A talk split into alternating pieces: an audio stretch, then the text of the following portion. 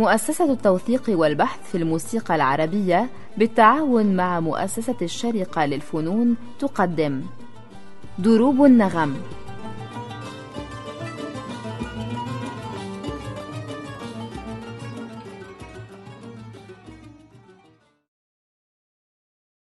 أهلا وسهلا بكم سادتي المستمعين في حلقة جديدة من برنامج دروب النغم.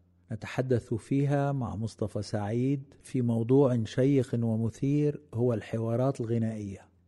الحوارات الغنائية أنا بعرفها في مسرح البولفار في الأوبرا بوفا يعني في الفن الغنائي الغربي. ما عندي فكرة إذا كان هالنمط دخيل على الموسيقى العربية أم أصيل. من ما قرأت لقيت إن معظم اللي كتبوا في هذا الموضوع سواء كتابات صحفية عادية أو كتابات تنظيرية موسيقية بيقولوا إنه هذا الفن طالع من المسرح الغنائي وبما أن المسرح الغنائي كقالب هو قالب مستورد فإذا بالتالي الحوارات الغنائية قالب مستورد بالضرورة. هذا الكلام به نصف الحقيقة ونصف عدم الحقيقة بمعنى أنه أنا ما أقدرش أقول أنه الحوارات الغنائية بشكلها في تسجيلات مطلع القرن العشرين مثلا اللي هنسمع الكثير منها يعني في خلال حديثنا ما أقدرش أقول أنه هذه الحوارات هي وليدة فن الكراكوز والأدباتي والحكواتي أو الأفياجية إلى آخره اللي هي كانت أحيانا بتكون مكتوبة وأحيانا بتكون مغنات وحتى في بر الشام كان أحيانا بيكون في زجل مشترك يعني واحد يقول والتاني يرد عليه. ما نقدرش نقول إنه هذا الموضوع وليد هذه التقاليد الشعبية أقصد الحوار بشكله في تسجيلات مطلع القرن العشرين. وما أقدرش كمان أغفل هذا الجانب يعني ما أقدرش أقول أنه أحمد شريف لم يتأثر بتقاليد الكراكوز. حتى سلام حجازي نفسه وسيد درويش أكيد إن هم تأثروا بهذا الفن. لكن كمان لأنه المسرح الغنائي بشكله بأول القرن العشرين عند سلام حجازي سيد درويش زكريا أحمد داود حسني إلى آخره وحتى قبلهم الأباني ومارون النقاش هم أخذوا المسرح الغنائي بشكله الموجود في الغرب. يعني ما استندوش تماما على مسرح خيال الظل أو الحكواتية إلى آخره. لا هم أخذوا القالب الموجود في الغرب وطوعوه لما ارتأوه مناسبا حتى مسرحيات أبو خليل الأباني أو سلام حجازي أو حتى مارون نقاش قبلهم. هي إما ترجمة مباشرة لتراجيديا وكوميديا الغرب أو تمصير أو تعريب يعني سميه زي ما إحنا عايزين لهذه الأطر المسرحية. فبالتالي بما إن هم لم يستندوا على القوالب الموجودة لإيجاد مسرح غنائي عربي فبالتالي هتكون الحوارات بتاعتهم برضو مستندة على هذا الشكل. يعني أنا بتذكر من حديث بنته لنجيب الريحاني سجينة إنه نجيب الريحاني كان كل سنة يروح على باريس يشوف المسرح هونيك وكان صاحبي مع لوي جوفي اللي كان أهم ممثل بفرنسا. كان يروح يتفرج ويقتبس لا شك يعني.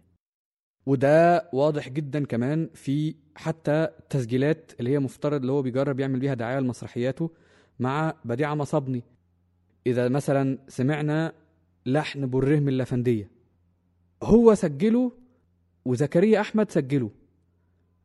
يبدو إنه اللي ملحنه له يمكن داود حسني على الأرجح. وزكريا أحمد مسجله مع رتيب أحمد. طبعا نجيب الريحاني مسجله مع بديعه مصابني تمام؟ مع His Master's وزكريا أحمد مسجله مع رتيب أحمد مع بوليفون. وفي نفس الفترة تقريبا مش فترة متباعدة يعني ممكن واحد يكون أحدث من التاني بكام شهر مش أكتر من كده. نفس الثيم إنه بالرهم الافنديه وواحد بيعاكس واحدة والتاني بياخدها بشكل نجيب الريحاني بيفوت في الموضوع كلمات فرنساوي واستعارات من روايات فرنسويه إلى آخره. زكريا أحمد بيطبعه بالطبع الشرقي تماما. واحد فعلا بيعاكس واحدة وبعدين بيعتذر لها إن هو عاكسها وكل ده. بالتالي برضو هنشوف إن نجيب الريحاني المصاحب له اللي بتسميه حياة صبري في مؤتمر الموسيقى العربية 1932 بتسميه أوركسترا اللي هو كان بيستخدمه سيد درويش اللي هو كمانجا وبيانو وفلوت. تمام؟ وطبعا مع زكريا أحمد يعني زكريا مع باستثناء بعض التجارب دايما بيكون معاه تخت. إذا شفنا لحن زي لحن بريهم الافنديه بالنسختين نسخة نجيب الريحاني اللي متسجلة على وش واحد ونسخة زكريا أحمد اللي متسجلة على الوشين. هنلاحظ الجدلية اللي دايما موجودة من نص القرن 19 لحد يعني يمكن وقتنا هذا وهي التطويع والتطوير وكل القصة دي إنه نجيب الريحاني فعلا بيطبق حرفيا القصة اللي أنت حكيتها دلوقتي وزكريا أحمد بيطبق النظرية التانية. وعلى فكرة الاتنين مش عيب يعني. خلينا نسمعهم اثنيناتهم يلا بينا.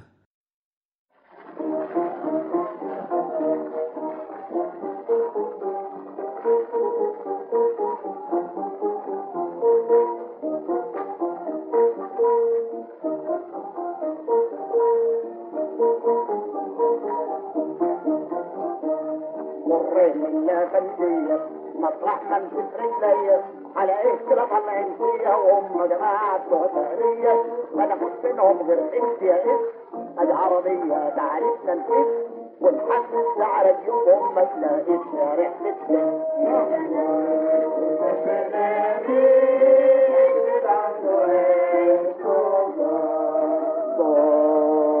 ده من الهند عليها. حبيبي غاب وأنا did a poor demi, give or did, give or did, never for them.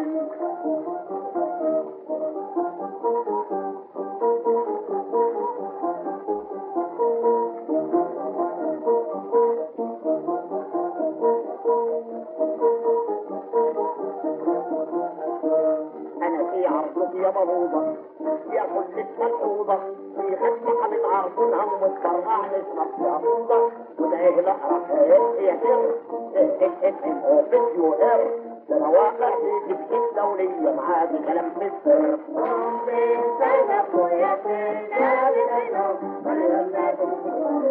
فايت على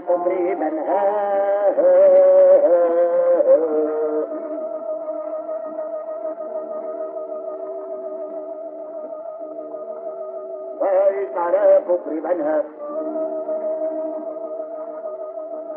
فايت على كفر بنها منديل الحلم. الحلم. الحلم. الحلم.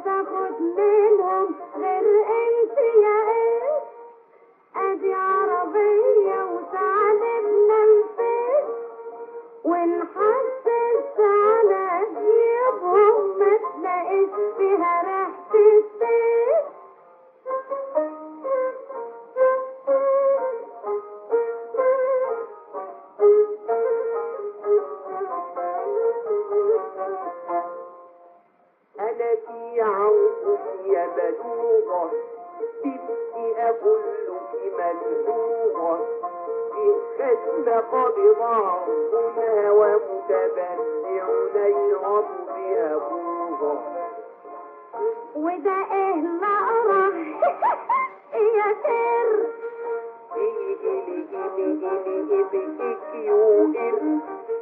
ده أنا واقع فيك يا معاكي كلام في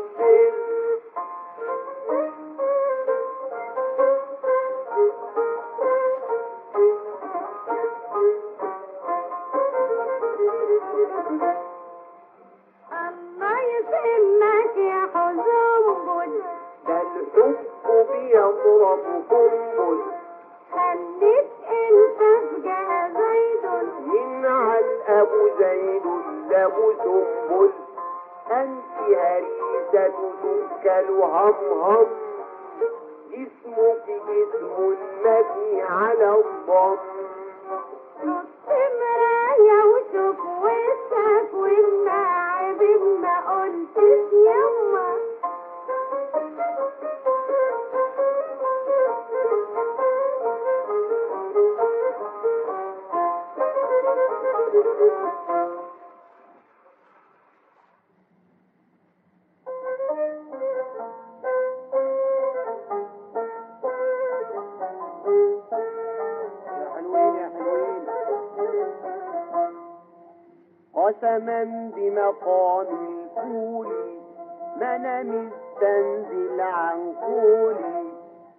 لزقة ذات بغاء وابن حرام جدا وفضولي بالذوق روح واختش يا مرن تشتمي تضربي لما اقولك سم ودي تلقيح إيه يا أختي ولا ارجز ولا مستقليع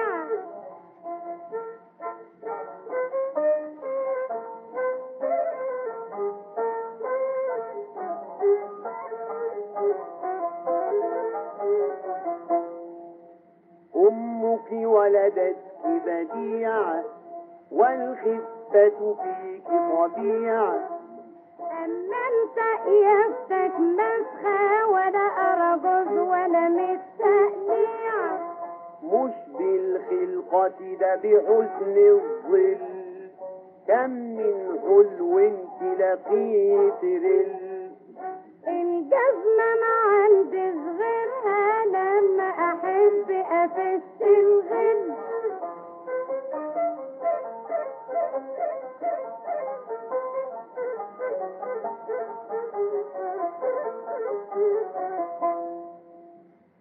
واخلص يا ابو غاشا الضغط على دي وحاجة أنا واثق أن أباكي والله أعلم واحد باشا.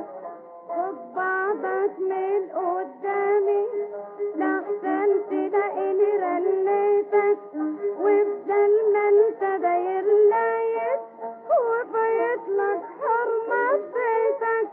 حافظ على عرضها وارضيها.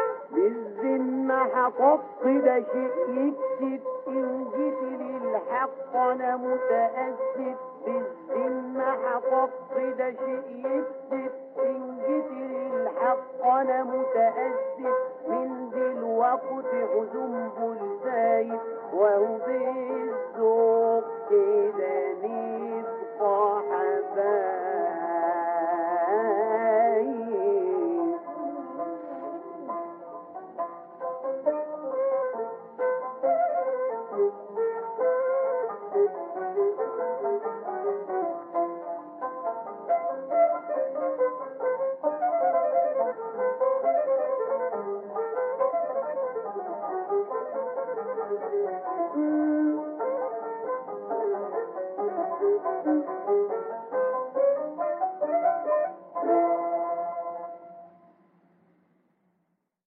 طيب آه، مصطفى موضوع هالثنائيات آه، تعرفنا عليه من خلال الأسطوانة ومن خلال ما كتب في الصحافة وفي الكتب بهالموضوع.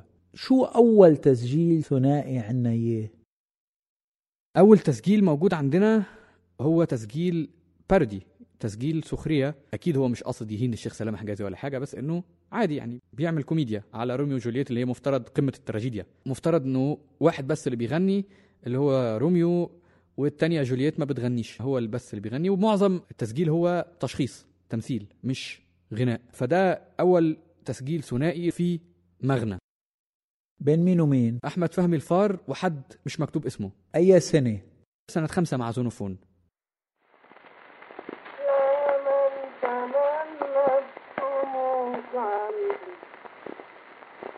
يا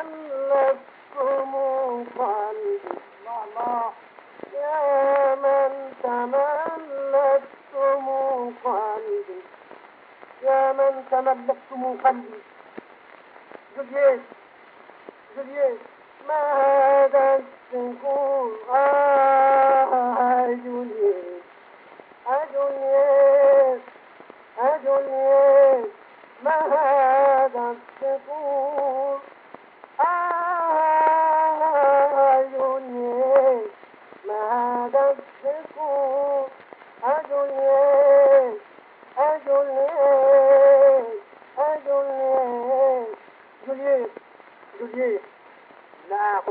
من بذلك أمر اعتدال علي ويا ويلا جولييت جولييت ويا ويلا جولييت أنا ملك كبير.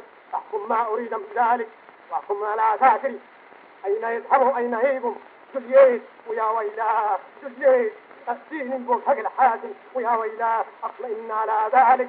جولييت يا جولييت بنت يا جولييت جولييت مرة يا جولييت جولييت يد العادي يا جولييت مالك إيه عاوز يا راميو يا رب جرستني يا راميو مالك يا جدتي صلي على جدتي وازعل سرعه سرعه جرستني أنا عاوزك. مالك يقول أنا عاوز عندك أنا أروح رجال وأنا أنا عاوزك. لا مش بتضايق والله العظيم نتيجة أقتل نفسي. تتخيل تموت نفسك ولا جولييت جولييت جولييت ويا ويلا جولييت ويا ويلا جولييت ويا ويلا جولييت أحكم ما أريد من ذلك الأمر اعتدال وأنا ملك كبير وأنا ملك كبير. أحكم ما أريد من ذلك الأمر اعتدال وأقتل نفسي يا جولييت أقتل نفسي يا جولييت تقتل نفسك تموت نفسك تهري نفسك تتخاطب أنا ماليش دعوه أنا ما أعرفش إيه؟ والله العظيم ده النبي ده يضرب أنا هموت. إيه؟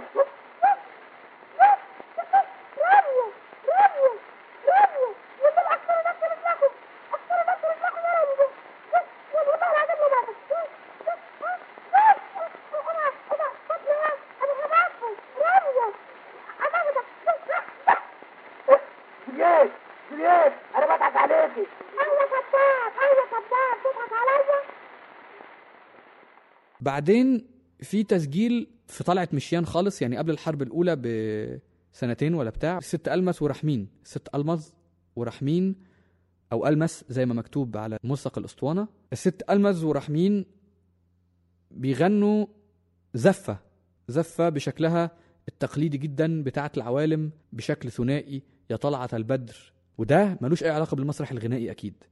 بس هو حوار؟ لا هو مش قصة هي زفة. تمام بس زفة بيردوا على بعض فيها. بالنهاية يعني إحنا بنتكلم عن قصة الحوار المسرحي ولا بنتكلم عن الحوار بشكل عام؟ إذا بنتكلم عن الحوار بشكل عام فإذا ده حوار.